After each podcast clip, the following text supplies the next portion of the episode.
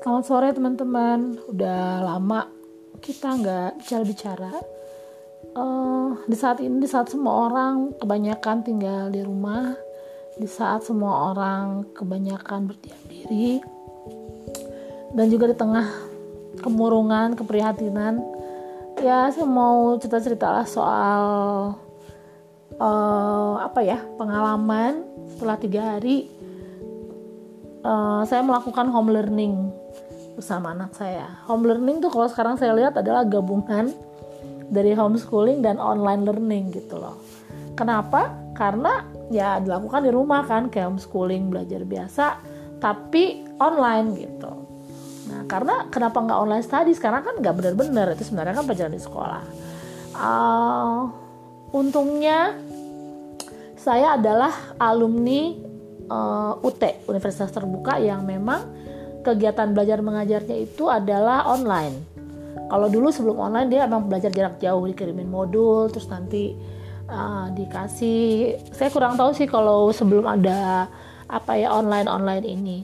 Nah homeschooling dulu sebelum anak saya sekolah saya tuh udah kepikiran kalau anak saya misalnya nggak ikut TK homeschooling aja.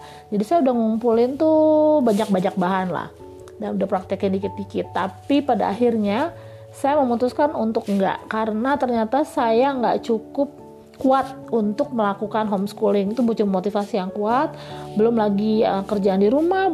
Kayaknya hat, uh, waktu saya tuh kayak yang saya tuh ngerasa worn out gitu ngerasa lelah banget. Nah yang ada ternyata saya menemukan bahwa saya perlu sekolah yang tidak terlalu besar buat anak saya dan saya mem membentuk support system. Jadi guru itu adalah support system saya untuk mengajar anak saya tidak hanya di sekolah tapi juga di les-les seperti yang mungkin saya udah ceritakan di podcast sebelumnya.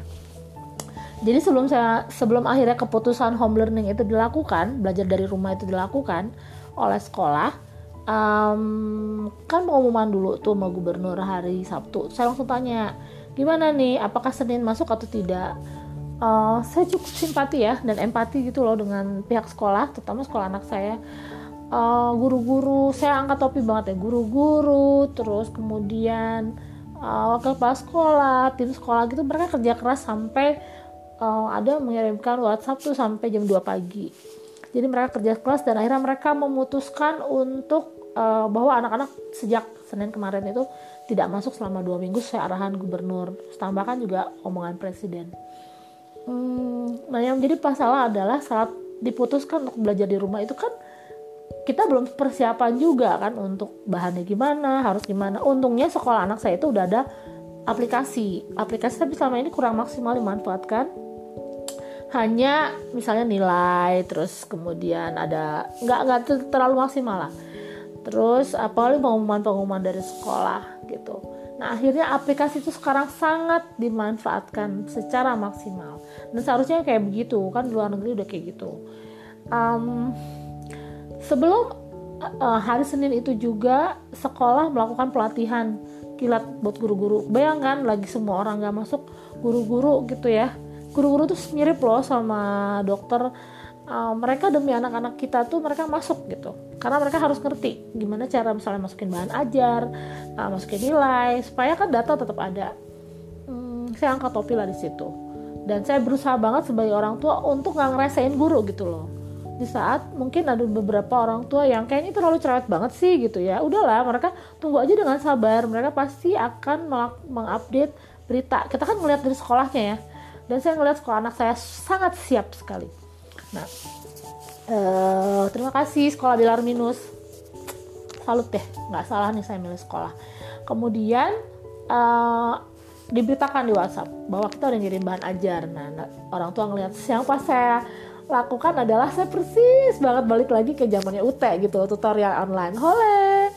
Uh, welcome tutor tutorial online. Jadi saya selalu sama. Jadi kita lihat bahan ajarnya apa terus nanti uh, uh, di submit maksimum tang uh, jam, tanggal berapa jam berapa gitu.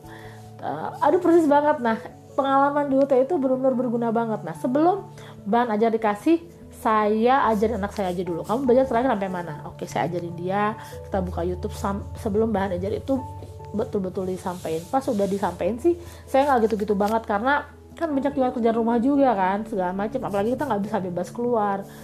Nah terus kemudian ada hal-hal juga yang bisa kita gabung. Contohnya apa? Sekarang les musik juga uh, untuk sementara libur. Nah yang saya lakukan adalah uh, saya melakukan juga online learning. Jadi pasang WhatsApp anak saya main gurunya lihat. Nah atau kayak sekarang kirim video. Kemudian di pelajaran sekolah dia kan ada pelajaran musik. Saya gabungin. Oke okay, misalnya kayak tempo. Dia belajar tempo. Tempo cepat sedang lambat. Oke okay, sekarang kamu cari di repertoire kamu di pelajaran piano. Mana yang cepat? Mana yang lambat? Mana yang sedang? Seperti itu. Jadi semua dua-duanya bisa digabungin. Saya rasa menghadapi kayak gini sebenarnya um, banyak mah ya uh, belajar disiplin juga. Jadi saya bilang sama anak saya you know what nak? Dua minggu ini kamu nggak kamu nggak ke sekolah. Mami nggak mau kamu jadi uh, overweight. So first thing in the morning kita harus bangun. Bangun pagi-pagi banget. Kenapa? Kalau di jam 8 jam 9 jam 7 orang udah rame. Jadi bangun jam 6 paling lambat setengah 7 kita harus jalan pagi. Saya seneng banget apartemen saya tuh ada satu area lantai 5 podium kita bisa uh, olahraga saya jalan sama dia satu jam. Kalau dia nggak kuat ya udah kamu boleh duduk tapi jauh-jauh dari orang. Abis itu kita sarapan kita mandi kita belajar. Belajar pokoknya TV dan kamu mau main game tidak boleh sebelum uh, jam 2 jam 3 setelah itu kamu boleh anak saya juga harus istirahat. Abis itu latihan piano seperti itu. So uh, mami tetap harus masak. Nah saya saya menurut saya gini menghadapi kayak gini sebenarnya Tuhan tuh baik ya mempermudah. Mau masak bingung hmm, ada aplikasi-aplikasi Yami, Cookpad gitu ya. Bayangin ya karena nggak keluar keluar nggak jajan dua hari ini saya udah bisa masak nasi kebuli sama uh, apa nasi ayam tandoori. Bahannya gampang banget gitu. Nah seperti seperti itulah. Jadi saya banyak bersyukur. Dan anak saya belajar disiplin. Um, kadang kita nggak mengerti ya bagaimana jalan Tuhan tapi Tuhan itu selalu pegang kendali. Dan akhirnya pengalaman-pengalaman masa lalu kadang bukan kadang. Ya pasti ada gunanya juga buat kita menghadapi sesuatu di masa yang akan datang contohnya sekarang. Jadi karena saya kemarin udah kuliah di UT dan waktu kan saya udah udah istilahnya nggak terlalu gunain bahan homeschooling. Ternyata pada akhirnya satu saat saya bisa gunakan itu gitu. Dan dengan anak saya lebih gede saya bisa ngomong sama dia. Jadi saya set up, set up rules dulu pokoknya bang tidak ada bantah-bantah. You have we have to work together. Bla bla bla saya bilang. Jadi dia anak saya bisa ngikutin. Nah saya juga harus ngelihat dia kan juga butuh istirahat butuh apa gitu gitulah segala macam. So apa pun yang terjadi sekarang selalu ada hikmahnya. Dan mungkin saat ini uh, kita sebagai orang tua kita bisa sangat berempati sama guru. Bayangin kita ngajar satu dua tiga anak itu nggak gampang gitu ya baik kalau kita kerja tetapi bayangkan guru satu kelas 18 sekolah anak saya swasta. Kebayang kalau dulu sekolahnya waktu di negeri, yang satu kelas 30 orang, 33 orang. Dan dia harus mengejar target. Saya rasa sih emang kepala pecah ya, wajar kalau suka marah-marah. Dan kalau, oh nggak bisa kan dia kan guru kerjanya gini-gini. Nggak juga gitu. Kalau SD, dia juga harus mendidik. Nah, kebayang kan 33 orang sama satu orang. Istilahnya seorang ibu harus dia bisa ngatur, dia punya anak 33 orang Nah saya aja satu benar-benar masih sempat ngotot-ngototan. Kita empati lah sama guru.